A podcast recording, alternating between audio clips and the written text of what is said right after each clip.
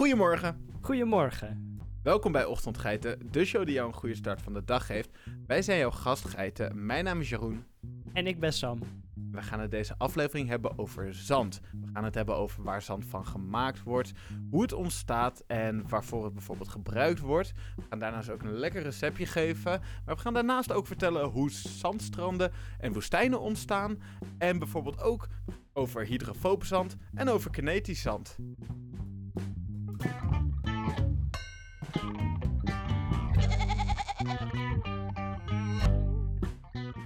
Hey Sam, we gaan het dus vandaag over zand hebben. En waarom Is dat ik op zo? za- Ja, zeker. Tenminste, ik hoop wel dat jij de memo gelezen hebt en gekregen hebt. Want dan, anders betekent het dat de postduif niet is aangekomen. En dat zou ik zonde vinden van mijn duif. Misschien zat hij in de zandstorm. Ik ben er trouwens achter gekomen dat eh duiven melken.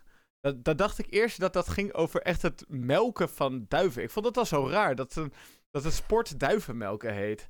Want op een, een of andere manier kwam ik erachter dat die oude oud-boxer Mike Tyson helemaal into duivenmelken is. En duivenmelken, dat is dus gewoon ehm, de sport dat je duiven aanleert op een bepaalde parcours en zo te vliegen. En ook met Ja. postduiven, gewoon duiven dingen aanleren. Maar dat even terzijde. Ik eh, eh, ben, ben op zand gekomen. Eigenlijk, eigenlijk niet door mezelf, maar door mijn, eh, mijn oom, die naast mij liep. Toen we een stukje aan het wandelen waren. Vorige week in de bij de Amerongse berg. En daar heb je allemaal een soort van zandhoopjes. En ik zat zo van. Dat is eigenlijk gek. We lopen midden door een bos in het midden van Nederland. En dan heb je gewoon allemaal gekke hoopjes zand. Hoe, hoezo komen die hoopjes zand daar nou in één keer? Dus Ja. toen zei mijn oom: Weet je wat jij eens moet doen, Jeroen? Je moet er even een podcast over maken. dus toen Alright. was een zaadje geplant in mijn brein. En toen is dit uiteindelijk de aflevering geworden waar, waar je nu naar luistert.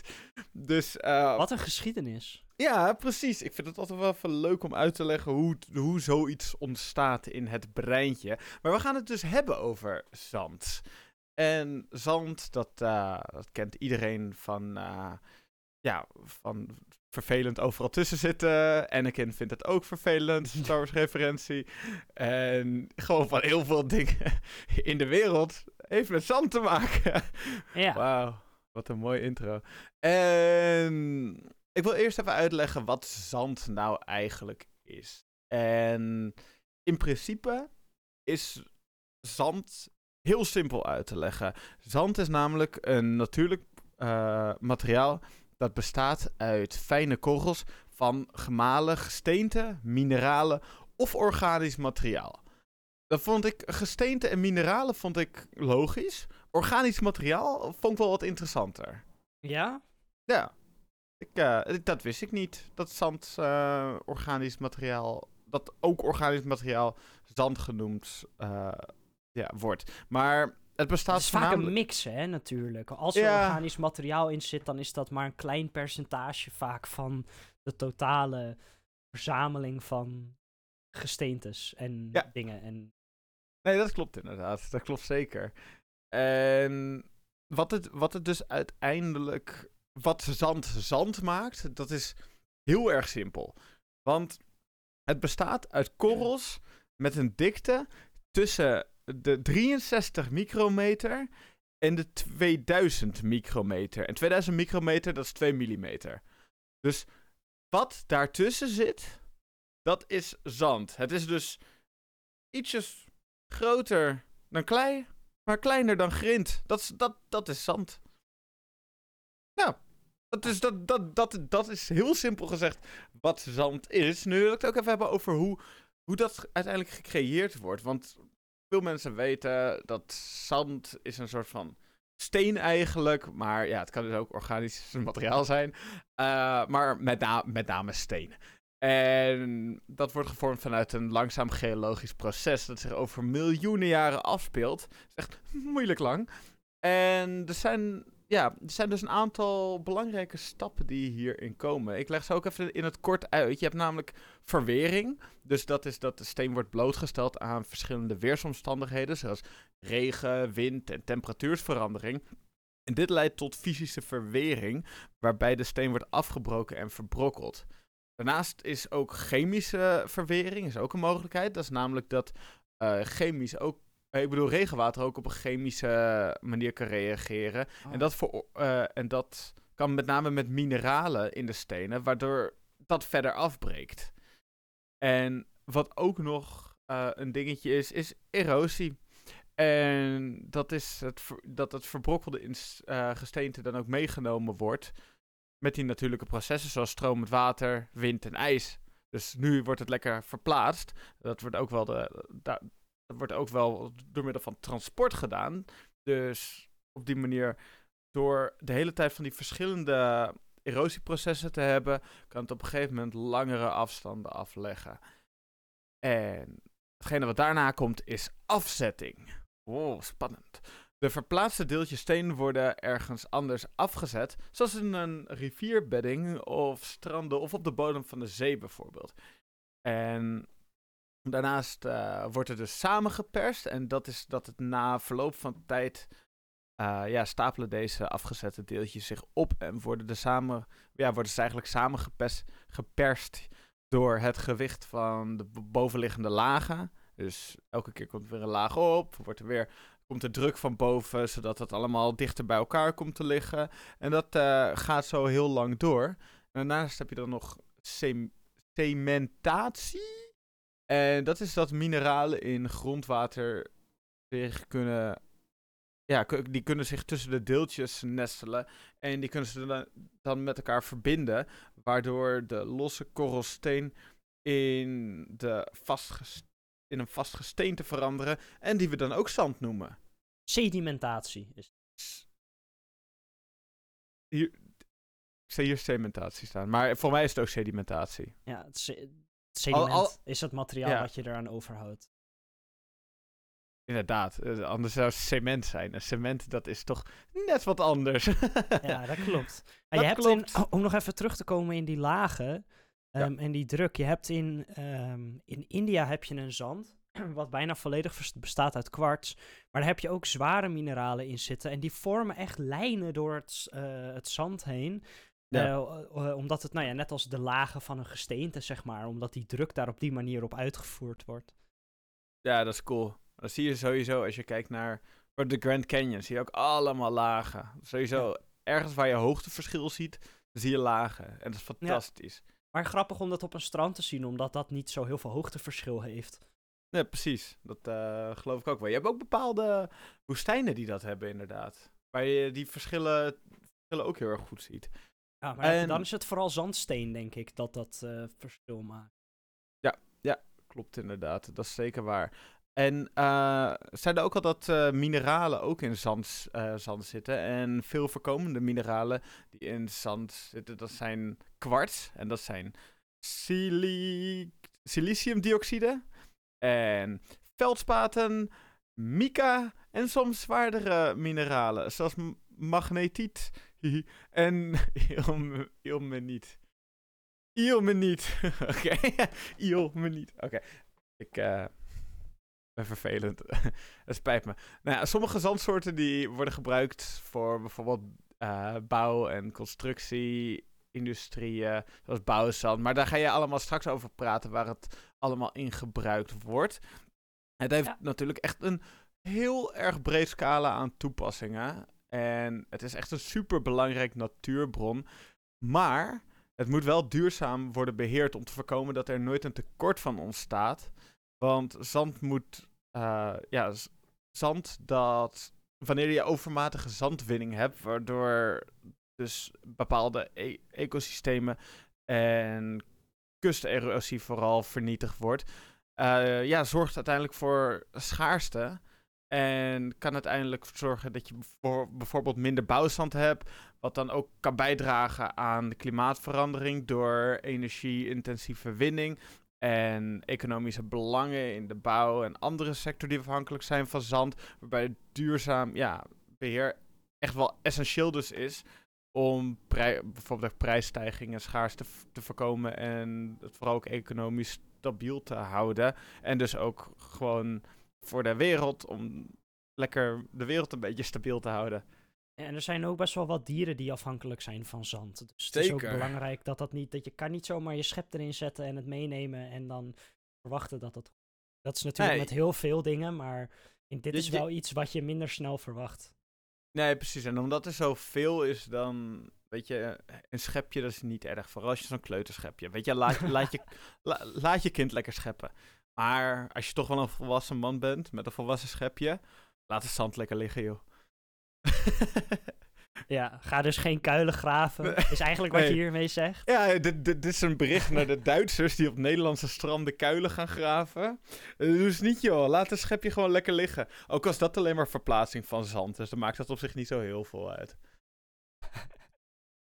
Jij wilde het dus hebben over eh, dingen die je kan doen met zand. Ja, ik liet je even spartelen. Maar inderdaad. ehm, Ik ben, ik ben alleen maar aan het spartelen. Ah. Nee, Yay. er zijn inderdaad er zijn ontzettend veel toepassingen van zand. Ehm, en sommige die ik zal opnoemen ken je misschien, maar eh, sommige misschien niet. Dus ik ga ze gewoon even allemaal opnoemen en dan eh, ja, ben ik ook wel benieuwd, Jeroen, wat jij eh, eh, misschien wel en niet kent. Ehm, voordat er schuurpapier bestond, werd nat zand gebruikt als een schurend element tussen draaiende apparaten met een elastisch oppervlak en harde materialen, zoals heel hard steen hè, voor het maken van stenen vazen, of metaal, het verwijderen van oude vlekken eh, voor het opnieuw bijtsen van eh, koperen kookpotten. Ja.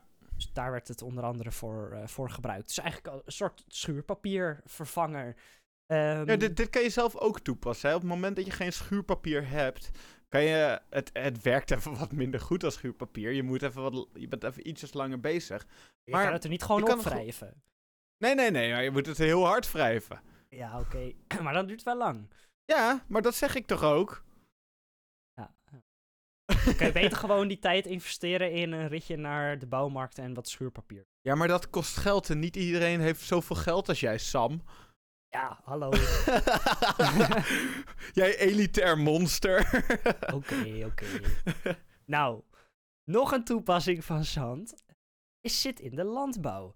Zandgronden zijn ideaal voor gewassen zoals watermeloenen, persikken en pinda's. En ja, ze kunnen heel goed gebruikt worden voor melkveehouderij doordat er, eh, het water er goed doorheen kan lopen. Ehm, hoe dat precies in elkaar zit, ehm, zou ik je niet kunnen vertellen, maar dat het ervoor wordt gebruikt, weet ik wel. Nice. Luchtfiltratie, nou dat is ook wel een redelijk logische. Fijnere zanddeeltjes gemengd met een soort doek werden vaak gebruikt in eh, bepaalde gasmaskerfilterontwerpen, maar zijn grotendeels vervangen door microvezels tegenwoordig. Maar ja, toen dat nog niet bestond, is dat natuurlijk een, eh, een goede eh, filtratiemethode. Ja. Ehm, zand is ook een goedkoop basismateriaal voor, ehm, eh, voor aquaria. En eh, nou ja, goed, dat is redelijk logisch natuurlijk. Het is iets wat onder eh, in de zee ook plaatsvindt. Dus in een aquarium is het ook wel goed te plaatsen. Ehm, maar volgens sommigen is het beter dan grind voor thuisgebruik. Het is ook noodzakelijk voor zoutwaterriffen eh, die een omgeving nabootsen die grotendeels eh, bestaat uit aragonietzand. Dat is afgebroken van koraal- en schelpdieren. Eh, daar zit veel calcium in. Ehm, Oh ja. Wist ik niet. Nice. Ehm, er zijn ook, er wordt ook zand wordt in grote textielzakken. wel speciaal textiel dat het goed kan vergaan. Maar die worden als fundering voor nieuwe riffen gebruikt om kunstmatige riffen aan te leggen. Ehm, nou, je hebt bijvoorbeeld ook kunstmatige eilanden die ermee worden aangelegd. Eh, daar weten wij als Nederlanders eh, van alles van. Ehm, dan heb je overheden die brengen zand naar stranden waar getijden, stormen of opzettelijke veranderingen aan de kustlijn eh, het oorspronkelijke zand eroderen. Dus dat is eigenlijk gewoon een soort van toevoeging aan het strand. Ehm, dan heb je baksteen. Fabrieken voegen namelijk zand toe aan een mengsel van klei en andere materialen voor de productie van bakstenen. Eh, dus daar zit ook zand in.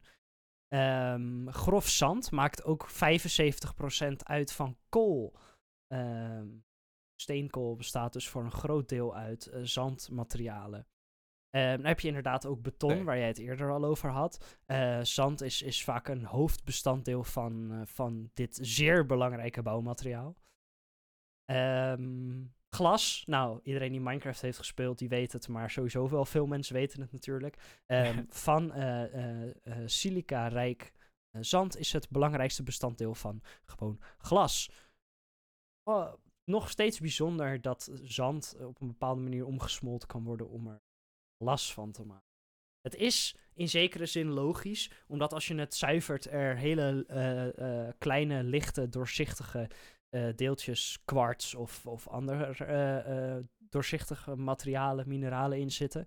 Maar toch, als je zo naar zand kijkt, in ieder geval het zand wat wij in Nederland kennen, dan zou je er niet van bedenken dat het, dat, dat glas zou kunnen worden.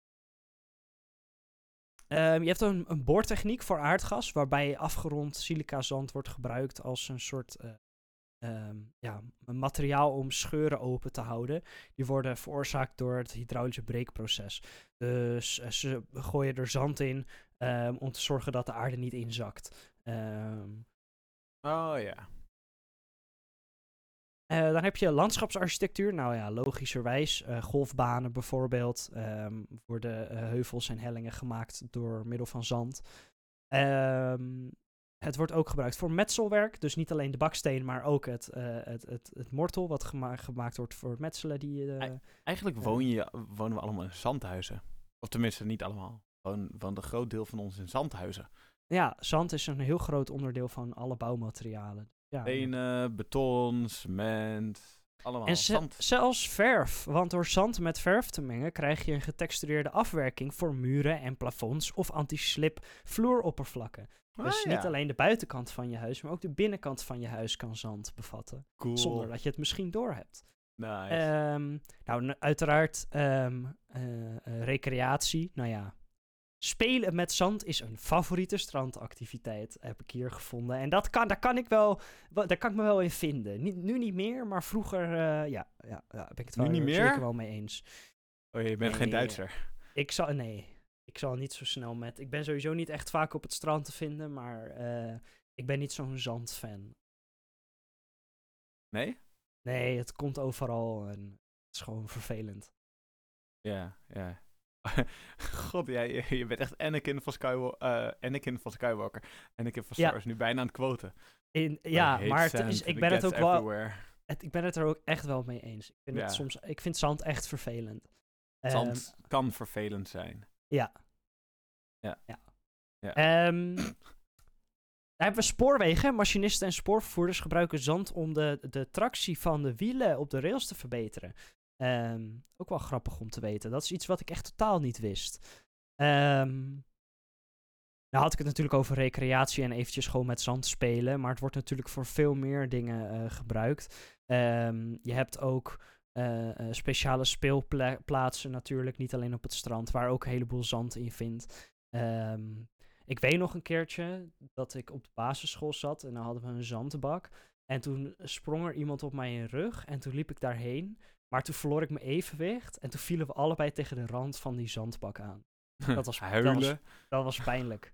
ja. Dat was heel pijnlijk. Dat kan ik me voorstellen. Um, wegen, nou ja, zand verbetert uh, de verkeersveiligheid uh, door middel van de tractieverbetering in ijzige of besneeuwde omstandigheden. Dus het wordt wel uh, net als zout op de wegen gebruikt. Kijk, zout laat natuurlijk het ijs snel smelten, maar als je in gebieden woont waarbij er constant overal ijs is en er niet gewoon iedereen de hele tijd zout smeert, dan is er een, een, zandachtige weg beter. Ja, ja. Uh, nou, je hebt natuurlijk ook uh, kunstenaars die ge gebruik maken van zand. Uh, animatiefilms worden met, soms met zand gemaakt. Um, nou ja, je ziet ook wel eens van die. Um, ik heb dat trouwens al heel lang niet meer gezien, maar van die tekeningen in zand. En dat dat ook. Oh ja, je had, een, je had vroeger had je de, de zandtovenaar. Dat was op, op Zep. Zep. En uh, dan werd er inderdaad een verhaal verteld. En dan werd ondertussen ging dan.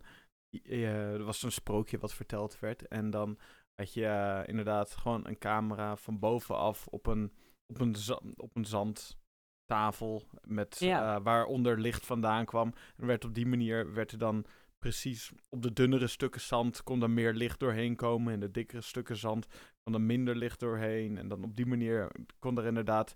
kon het verhaal dan ook visueel verteld worden. Ja, precies. Heel vet is dat. En dat zie je dan, ja. en dat, dat zie je dan gebeuren hoe die iemand dan bezig is met zijn handen om dat te fixen. En ik vind dat zo vet. Ja, Ja, eens. Dat wel, eh, ik, ik heb dat, moet zeggen dat ik dat al echt al heel lang niet meer heb gezien. Maar Nee, ik ook niet. ehm, dat vond ik altijd wel, eh, wel bijzonder. Ehm, dan de laatste paar dingen. Zandzakken uiteraard tegen overstromingen. eh, en geweervuur. Ehm, nou ja, goed, het is makkelijk om te vervoeren als ze leeg zijn, de zakken uiteraard. En ehm, nou ja, je hebt een heleboel... eh, eh, je kan heel snel die zakken vullen. Als je gewoon mensen inschakelt, dan is dat heel snel gebeurd. Ehm dan heb je zandstralen. Dat wordt als schuurmiddel gebruikt tegenwoordig bij schoonmaken en polijsten en prepareren van, eh, van dingen.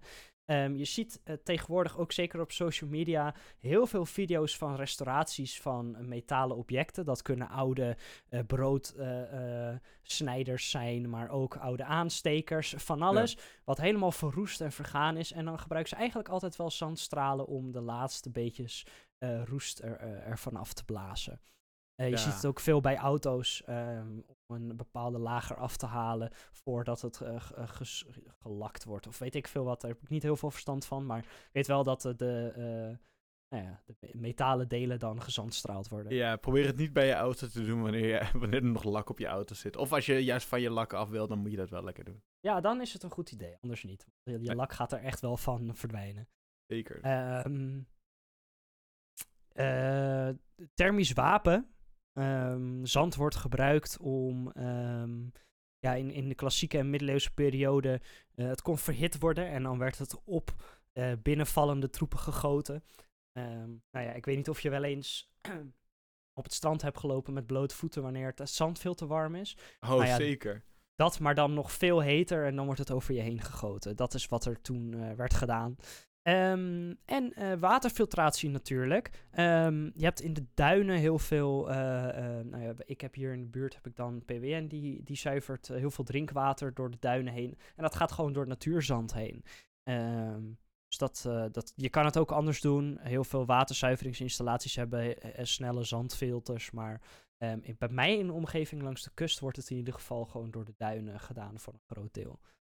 Ja, maar dat, dat is ook leuk om, om te bedenken. Stel je zit ooit op een plek waar je geen water hebt. Er is wel zand in de buurt. Een onbewoond eiland. Of op een berg en daar ligt zand of whatever. Je Ja. bent daar. Ehm, je kan gewoon op die manier kan je gewoon zelf een soort van waterfilteringsdingetje maken. Ja. Om op die manier aan je schone drinkwater te komen. Ja, inderdaad. Ehm, water is natuurlijk belangrijk. Hè? Je hebt drinkwater nodig, eh, maar je hebt ook voedsel nodig. En ehm, daarvoor geef ik het stokje even door aan jou, Jeroen. Want jij hebt als het goed is een eh, lekker receptje klaarstaan.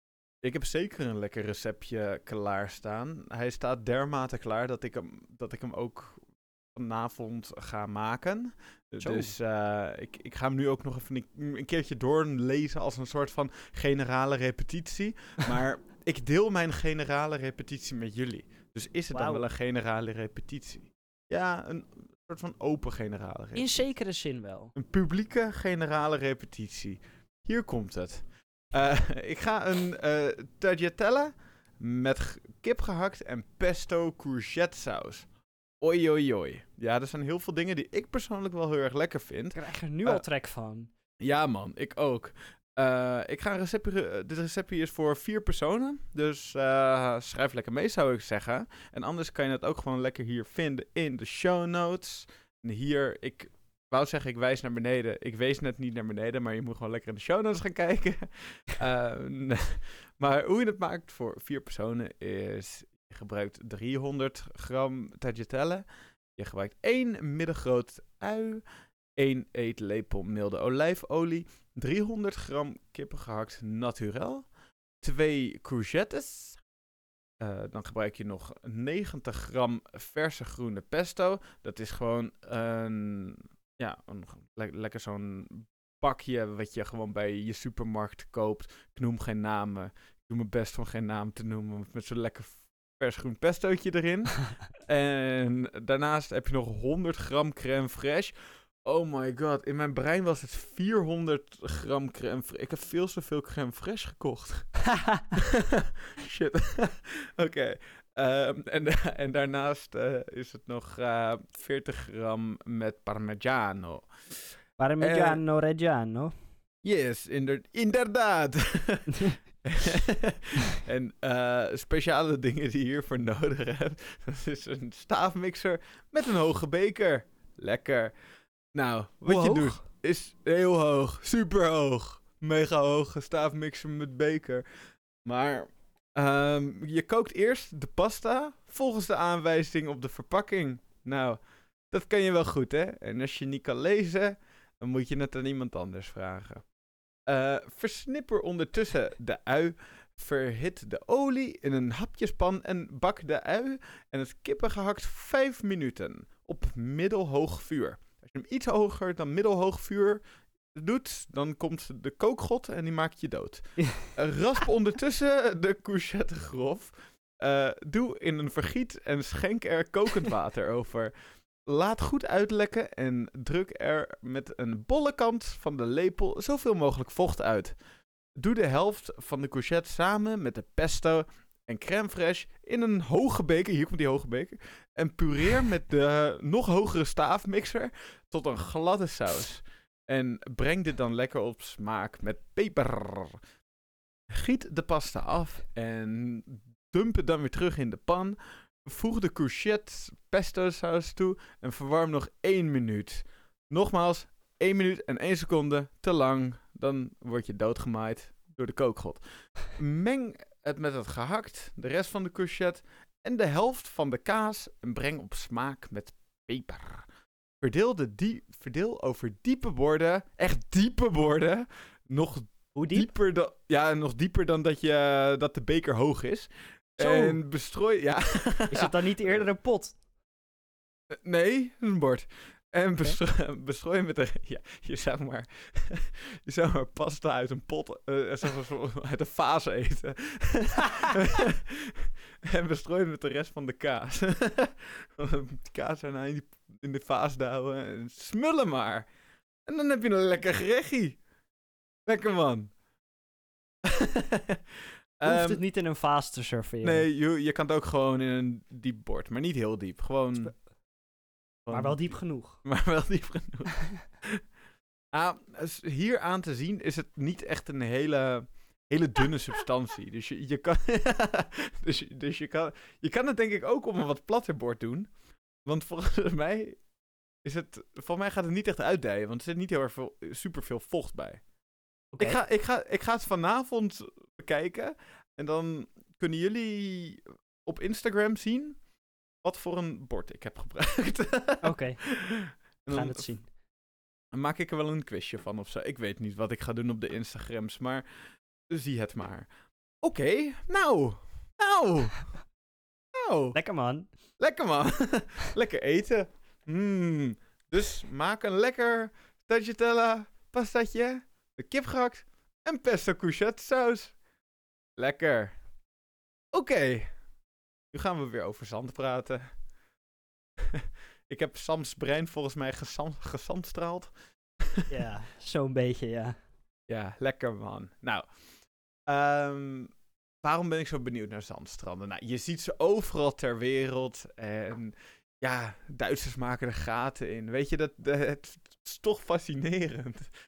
Hoezo maken Duitsers gaten in stranden? Is ongekend. Wat een volk, wat een mensen. Ze zijn zo correct, ze zijn zo stimpt. maar nee, ze maken gaten in stranden. Oké, ik, moet, ik moet even weer een soort van knop omzetten om te gaan praten over zandstrand. Nee, ik, ga- ik ga gewoon beginnen en we zien wel waar het naartoe loopt. Maakt niet uit, joh. Ja, zandstranden, die worden dus gevormd door een combinatie van geologische, oceanografische en klimatologische factoren. Eh, eh, hier, hier, is hoe er zo... Ja, ik, ik ga dus nu even uitleggen hoe er zoveel zand op het strand komt. Want ja, eh, strand, zandstrand, bestaat niet uit één strand. eh zand. Eén zand. Eén zandkorrel. Het bestaat uit heel veel. Maar hoe, hoe komt het nou, gek? Ja, dat ga ik dus vertellen. Nou, eh, we gaan het eerst hebben over de geologische oorsprong. Want het zand dat een strand heeft, heeft vaak een geologische oorsprong en wordt geleverd door rivieren, kustkliffen en onderwaterbronnen. Rivieren brengen sediment, waardoor zand in het, eh, van, ja, van, het binnen, eh, van het binnenlijn naar het kust... Jezus. Van het binnenland. Dus, dus ik was met mijn, handen aan het wapperen. En dat, dat zag een beetje gek uit. Maar, eh, dus zand zit eerst gewoon lekker te chillen op land. Daarna komt zo'n rivier, zo van er doorheen. En dan die zandkogels, die gaan dan lekker mee zo naar de zee. En daardoor heb je op sommige plekken, waar bijvoorbeeld heel veel, uh, heel veel uitmondingen van rivieren zijn, zoals Nederland, want Nederland is eigenlijk één grote delta, heb je meer zandstranden, omdat dat allemaal vanuit, de binnen, vanuit het binnenland komt. Dat wist je niet. Of... Jawel. Oh. Ik wel. Ik had het tegen de, tegen de kijker, ik had het niet tegen jou. Oké. Uh, nee hoor, jij, jij mag er ook wel wezen. Toffe peer. En ja, en ook door erosie en verwering worden ja, gesteente en mineralen afgebroken tot deze kleinere deeltjes, wat uiteindelijk ook zandkorrel oplevert. Nou, dan is dat dus meegebr uh, meegebracht. En dat komt dus door die stroming van het water. En daar wordt het uiteindelijk ook gedeponeerd. Maar hoezo wordt dat eigenlijk allemaal bij de kust gedeponeerd? Nou, dat komt door de golfbewegingen en de stromen die zich in de, in de oceaan plaatsvinden. Want dat verplaatst die zandkorrels zo langs de, langs de kustlijn. En dit natuurlijke transportproces wordt litorale drift genoemd. En kan, ja, kan zand over grote afstanden verplaatsen. Dus wanneer jij een keertje zand aan het eten bent op de stranden, dan kan het net zo goed zand dat eerder in Mexico gele uh, gelegen heeft. Want het wordt allemaal meegenomen. Um, ja, daarnaast dus ook sem uh, sedimentatie. Heb ook wel eens een hapje zand? ja, ja, wel dan de dokter. Um, dus sedimentatie, want zandkorrels worden afgezet op het strand wanneer de energie van de golven en stroming afneemt. Dit gebeurt wanneer de zee zich terugtrekt na een golf of tijdens periodes van kalm weer. De zandkorrels bezinken en vormen een strand. Dit is ook waarom bijvoorbeeld heel de grond van veel oceanen. Je, hoef je niet altijd zand te hebben, bijvoorbeeld. Weet je, dat wordt gewoon meegenomen. En daar, daar heb je niet veel zand. Maar daar, eh, het is bij bijvoorbeeld de Waddenzee. De Waddenzee is één groot voorbeeld van iets wat de hele tijd overstroomt en dan weer het water weggaat en zo. Dat laat dus ook superveel zand de hele tijd achter. Ook omdat, en dat komt ook dus door de, uh, de waves of the ocean. De, hoe de, de richtingen van de oceaan, waar het water opgaat, zorgt ervoor dat het heel veel dumpt bij de Waddenzee. En daardoor is het dus ook dat Waddenzee soms droog komt te staan. Nou, twee keer per dag droog komt te staan. dat is gewoon omdat er zoveel zand gedumpt is, dat dat gewoon lekker daaraan chillen is, joh. Ja, ja joh. Ja, het is ook uh, heel erg klimaat- en seizoensgebonden. Want dat heeft gewoon superveel invloed op de be beweging van de zand op het strand. Seizoensgebonden veranderingen in golven en getijden kunnen leiden tot zandverschuivingen. Bijvoorbeeld in kustgebieden kan er in de zomer meer zand op het strand worden afgezet, terwijl in de winterperiode zandverlies kan optreden door, ja, door st stormen en getijen. En uiteraard heeft de mens ook heel veel invloed, want menselijke activiteiten zoals kustontwikkeling, het aanleggen van havens en kanalen en zandwinning kunnen de natuurlijke balans van zandafzetting op stranden zeer erg verstoren.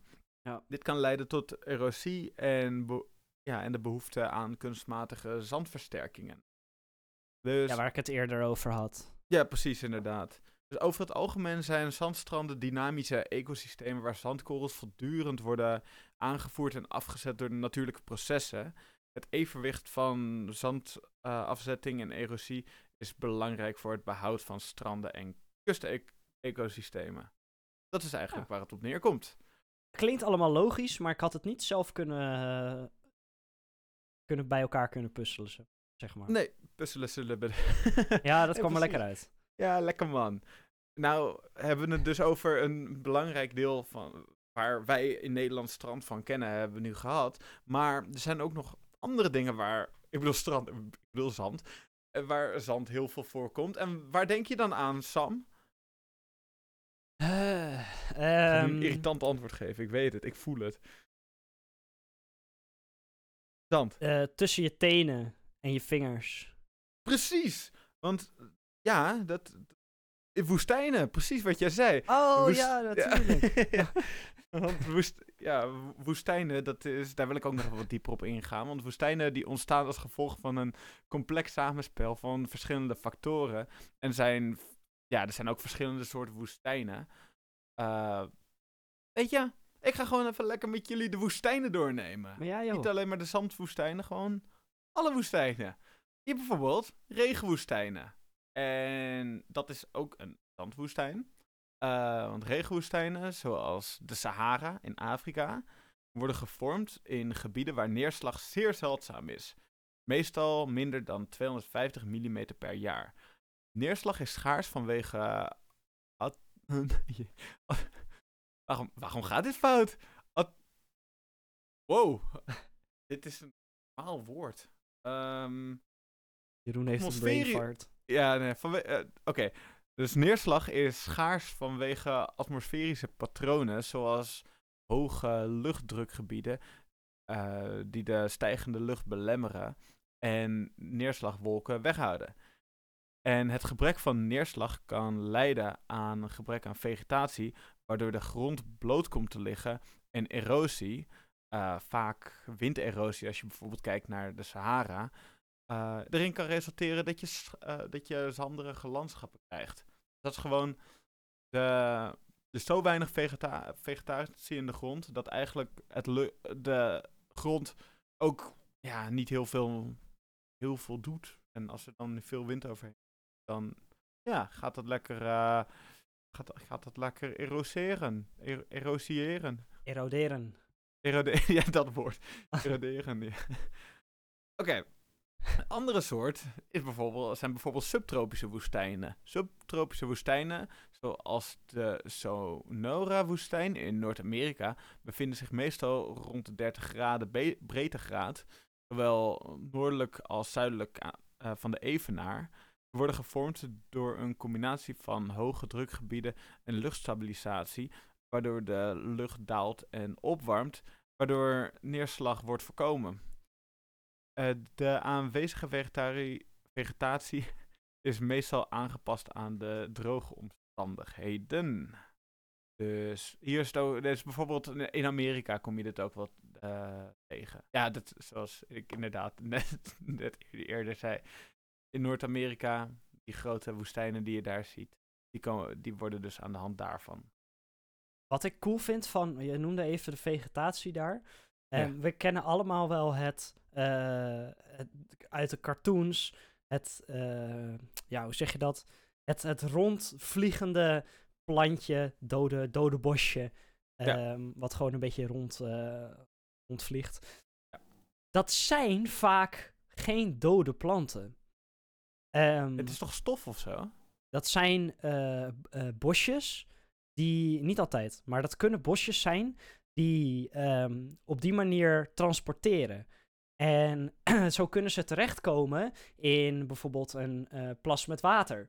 Waar ze zich vervolgens wortelen en heel snel uitbloeien. En dan al hun zaadjes eruit gooien. ehm, en hopen dat het dan gaat regenen, zodat ze de volgende stap kunnen, kunnen zetten.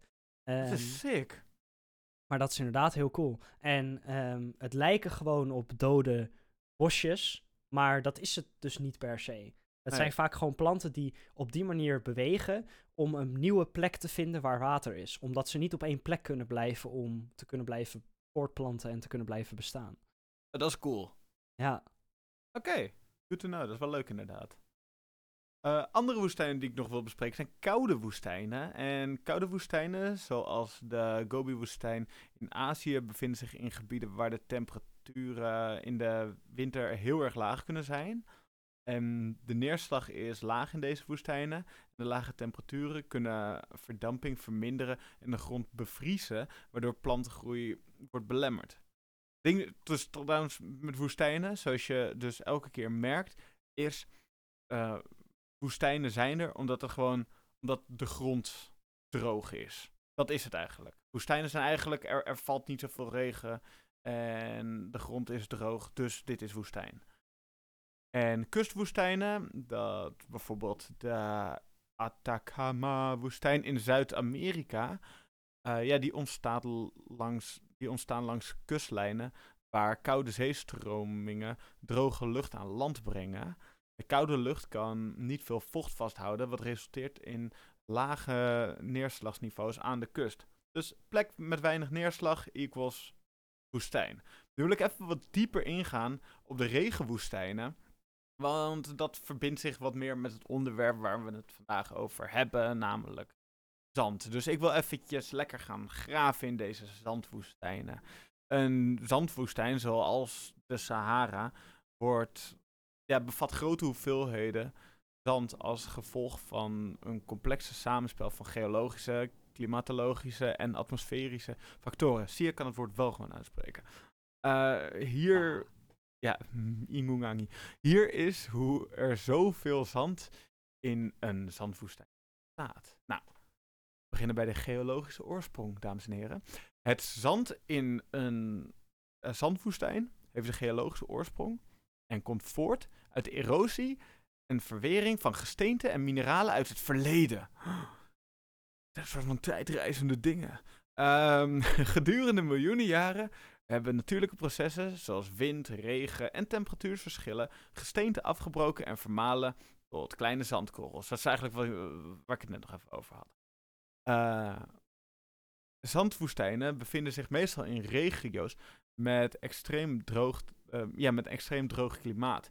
En zeer lage neerslagniveau. Daarom is het ook woestijn. Uh, de Sahara bijvoorbeeld heeft een van de meest dorre klimaten ter wereld en super weinig regenval. Um, het gebrek aan neerslag beperkt de vegetatie en houdt de bodem onbedekt, waardoor dus zandkorrels bloot liggen en gewoon weg kunnen gaan, mee kunnen chillen, alles en nog wat. Daarbij is inderdaad, wat ik ook net zei, die wind, die is super belangrijk. Want door die wind, dan kan, uh, kan zowel, het kan door die erosie, kan het zorgen dat er meer zand komt, maar het kan het ook verplaatsen en kan het opstuwen. En daardoor kunnen, daardoor kunnen uiteindelijk van die zandduinen en zandvlaktes gevormd worden. Dat, je hebt niet, het is niet zomaar dat er ineens van de een op de andere dag zand ligt.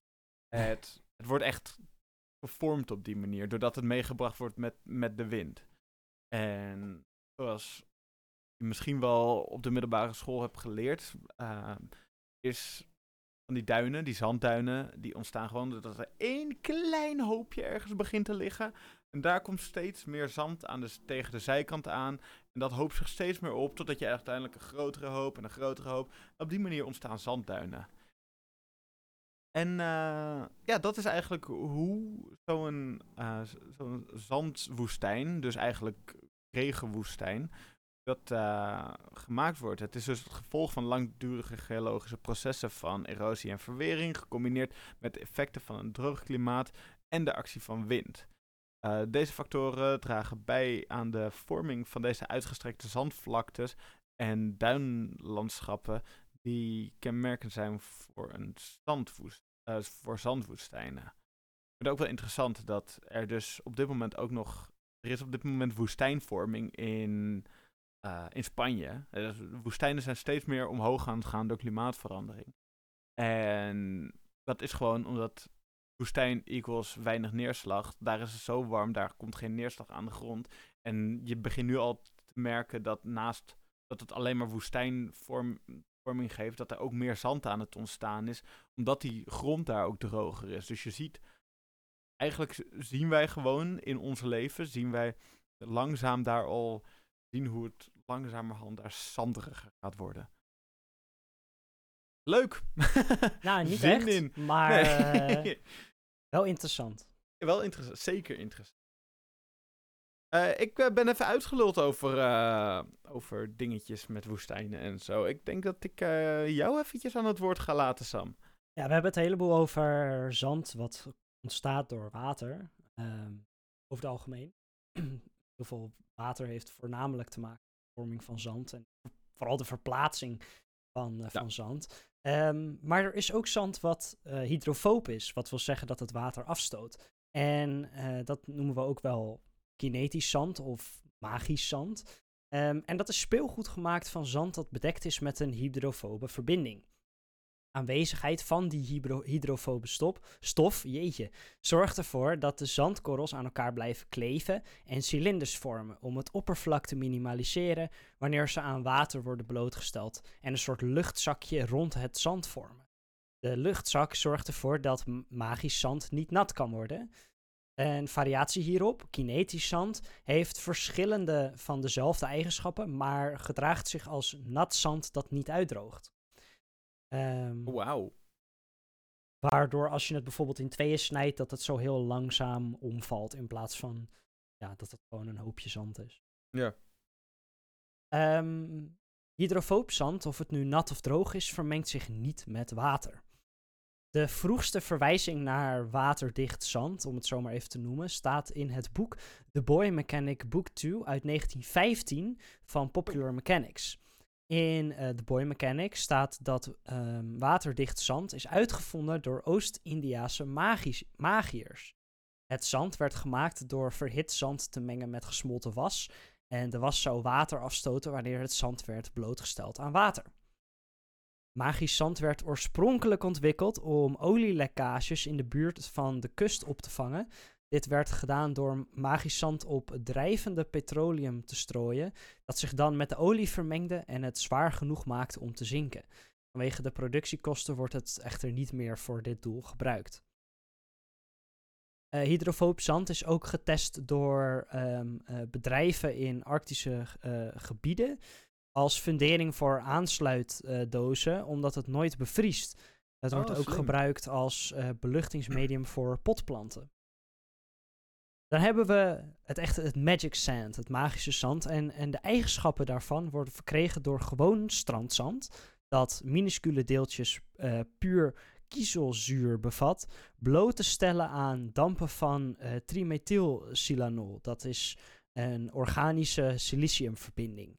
Ehm, na blootstelling bindt die eh, verbinding zich aan de silica-deeltjes, dat zijn de zanddeeltjes, en vormt water.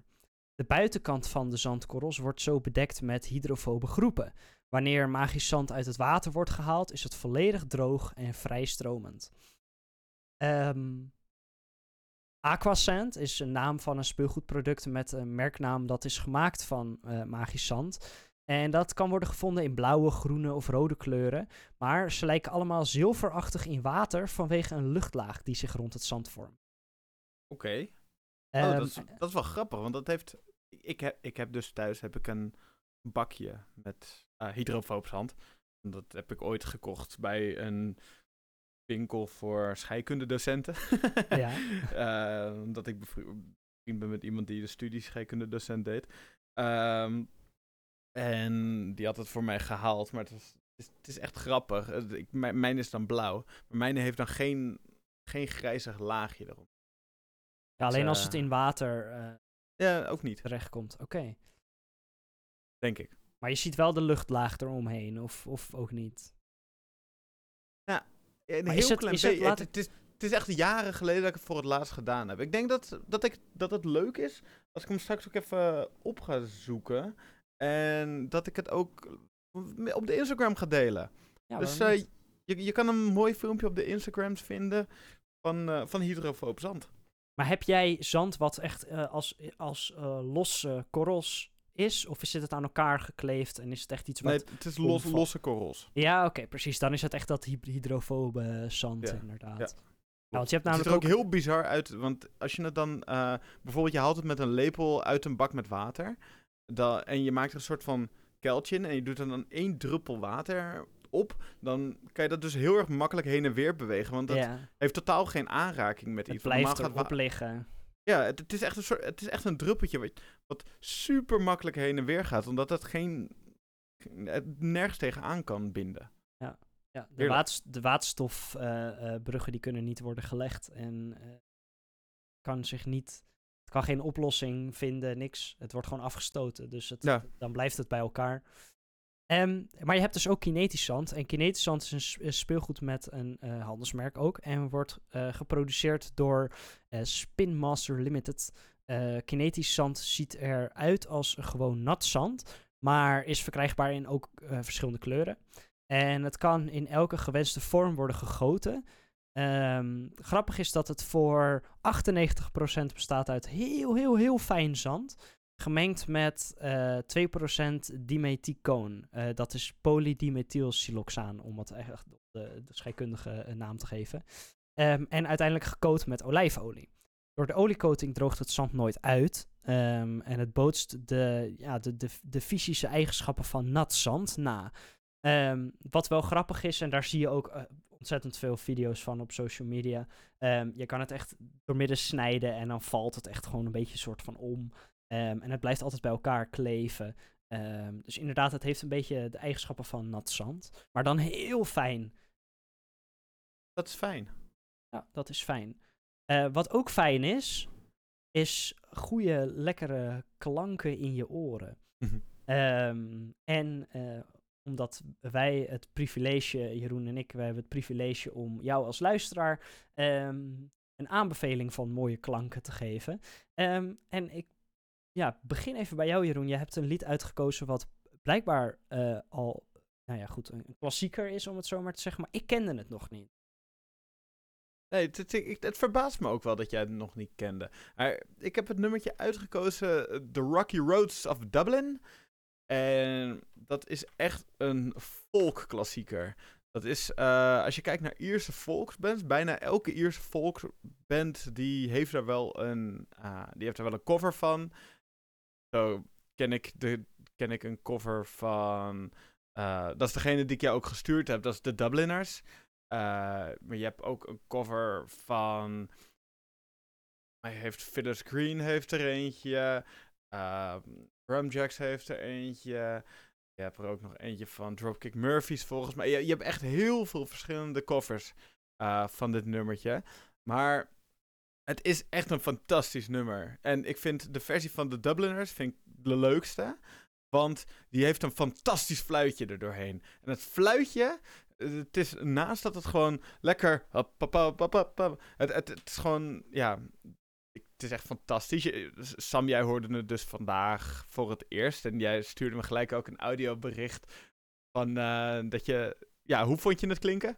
Nou, het klinkt alsof als je, zeg maar, heb een soort van, ja, het is heel lastig uit te leggen aan mensen die hier geen last van hebben, maar met sommige eh, composities, ehm, muzikale composities, hoor ik gewoon een soort van verzameling van klanken. En dan is het niet eens meer, dan hoor ik gewoon de woorden niet meer. En die verzameling van klanken, die hoorde ik hier ook. En ik was de lyrics aan het meeluisteren. En alsnog hoorde ik gewoon alleen maar, ja, willekeurige klanken. Dus, ehm, Zeg, wat hoorde jij? ik denk dat het beste is om het, uit, eh, om dat op die manier uit te leggen. Ehm, Nee, En- nee, nee. Doe nee, wat jij ook. Nee, Oké, want er is, een nee, hele, er is een geschiedenis aan die gewoon te lang duurt om uit te leggen. En niemand gaat dat begrijpen. Ja, dus- oké, enough. En dat, eh, dat vond ik wel grappig, want het, het lied heeft, heeft een soort van, of tenminste de versie die ik heb geluisterd, die je mij heeft gestuurd, Jeroen, die Mhm. heeft een soort van constant herhalend iets. ehm, waardoor dat het effect alleen maar versterkte. Dus dat, het, het was gewoon één grote ratel in mijn hoofd. Maar Ja, ja, ja. eh, wel echt een, een goede, goede vibe. Het, heeft, eh, ja, het, is, het is inderdaad echt volk. Ja, ik word, ik word er ook super vrolijk van om er naar te luisteren. En het is, het is inderdaad, de instrumenten die zijn echt folk. En het is ook echt een oude Irish song. Het is namelijk, het komt uit de 19e, 19e eeuw. En het is een Irish liedje, Ierse liedje, geschreven door de poet D.K. Gavin. En het gaat over een mans eh, experience eh, wanneer hij vanuit Tuam in Ierland een reis maakt naar Liverpool. Dus je gaat eigenlijk met deze man, ga jij mee op reis naar Liverpool. En de eerste keer dat ik het hoorde, was het ook inderdaad. Dat ik dacht van, yo, dit is fantastisch, maar het gaat best wel snel. En wat gebeurt hier allemaal? En wat wordt hier gezegd? Nu heb ik het nummertje al heel vaak geluisterd. En ik kan hem ook een beetje meezingen. En ik weet ook wat er gezegd wordt. En het is echt een leuk verhaaltje wat hij vertelt over deze reis naar Liverpool. Het is gewoon een simpel verhaaltje, maar echt een leuk verhaaltje. Dus ja, het, het, is een geweldig nummertje. Instrumentaal is een heel leuk nummertje. Elk instrumentale elke instrumentale versie die zit instrumentaal weer anders in elkaar. En dat is ook het hele leuke eraan. Ik uh, had bijvoorbeeld vandaag ook een versie gehoord waarbij het eigenlijk al, het begint met alleen zang en er komen steeds meer Ierse instrumenten erbij. En dat was ook gewoon fantastisch. Dus het is, ja, het is een fantastisch nummertje. Heel vaak gecoverd. Op hele leuke manieren ook gecoverd. Maar dit is voor mij degene die er bovenuit steekt. En waarvan ik vind dat jullie deze allemaal moeten kennen. Omdat, uh, ja, fantastisch. Nice. En over fantastisch gesproken, jij stuurde ook wel even een lekker nummertje door, hoor. En ook dat is een klassieker. Um, ja. Foreplay slash Long Time van Boston. Lang lied, um, maar het is een combinatie eigenlijk van twee liedjes die bij elkaar op het album staan. Um, en voorheen, uh, vroeger ook uh, samen op de radio werden gedraaid, toen dit nog werd gedraaid. Um, en ja, Boston is een, een hele bekende band. Ze hebben liedjes uitgebracht zoals um, More Than a Feeling. Ik denk dat dat wel de meest bekende is. More Than a Feeling, More Than a Feeling. Ja, la, la, la, la. ja precies. Ja, ja, die. Um, en het, het, het, mooie is, dit, nou ja, goed, dit lied uh, zit op hun uh, album uit 1976, self-titled album, ook hun debuutalbum. Um, dus dit is echt het begin van Boston, zeg maar. Um, en de introductie, foreplay, duurt bijna 2,5 minuten en is gewoon een, een, een geniaal stukje keyboard. Ja. en daarna begint Long Time, wat wel echt een andere stijl is. Uh, qua muziek, met ook uh, lyrics en dergelijke erbij. Um, ja, het gaat een beetje over, tenminste het idee wat ik heb, is dat het een beetje ging over um, een, een soort van liefdesrelatie die wel al voorbij is, maar waarvan degene die het zingt niet wil dat het voorbij is. En eigenlijk zegt van, hé, hey, ja, ik ga door um, en ik ga verder met mijn leven. Tenzij je nog iets wilt. En dat is een beetje zo, zo voelt het een beetje. Wink, en, wink. Ja, um, en nou, ik denk dat heel veel mensen wel kunnen uh, relateren met dat gevoel. Um, dus nee, goed, het is sowieso een heel interessant uh, lied om te luisteren. Het heeft ook aardig wat, uh, wat aandacht gekregen toen de tijd. Um, dat is ook een van de redenen waarom het nu nog steeds bekend is natuurlijk. Maar bijvoorbeeld uh, Rolling Stone, het welbekende uh, um, uh, muziekblad, um, heeft het omschreven als de perfecte combinatie van Led Zeppelin en Yes. Nou, dat zijn toch wel oh, ja. twee bands die... Ja. Dat zijn wel namen, zeg maar, die daar genoemd worden. en ik snap het ook. Het is, het, is, het is inderdaad een beetje hoe dat klinkt. Meerdere mensen hebben dat gezegd. Um, maar, um, nou ja, goed. Het is een, uh, het is een bijzonder lied. Ik denk dat je het gewoon, gewoon goed moet luisteren. Intro is een beetje spacey en daarna heeft het een wat meer poppy slash rock um, idee. Ja, lekker lied. Gewoon luisteren. Gewoon doen. Lekker man. Net als uh, de, de, de, de klassieke uh, volktoevoeging. Heb je nou geen idee welke liedjes we net hebben genoemd? Um, we gaan ze niet nog een keer opnoemen, maar je kan ze wel vinden in de playlist die in de show notes staat. Net als alle andere aanbevelingen die we hebben gegeven. Um, dus hey, kijk daar vooral naar. En luister daar vooral naar. Ja, dat is het belangrijkste natuurlijk. Dat is het allerbelangrijkste. Lol. Um, heb jij nog wat, wil jij nog wat kwijt, Jeroen? Um, wil ik nog wat kwijt, Jeroen? Nou, daar komt het hoor. nee, ik, ik, ik vind het gewoon belangrijk dat mensen beseffen dat andere mensen ook gewoon mensen zijn. Doe aardig tegen elkaar, mensheid. Je bent allemaal gewoon. Mensen doen zo opgefokt tegenwoordig. Met internet en zo. Ja. Dat, mensen moeten gewoon even rustig doen. Er zijn andere, allemaal mensen aan de andere kant die ook gewoon mensen zijn. Dus behandel mensen als mensen. Ja, ja, daar ben ik het zeker mee eens. Ik heb ook echt al een hele tijd geen eh, mac and cheese gegeten. Dus dat vind ik ook wel lekker om nog een keertje te eten. Oké, Fijne week verder. ja, doei.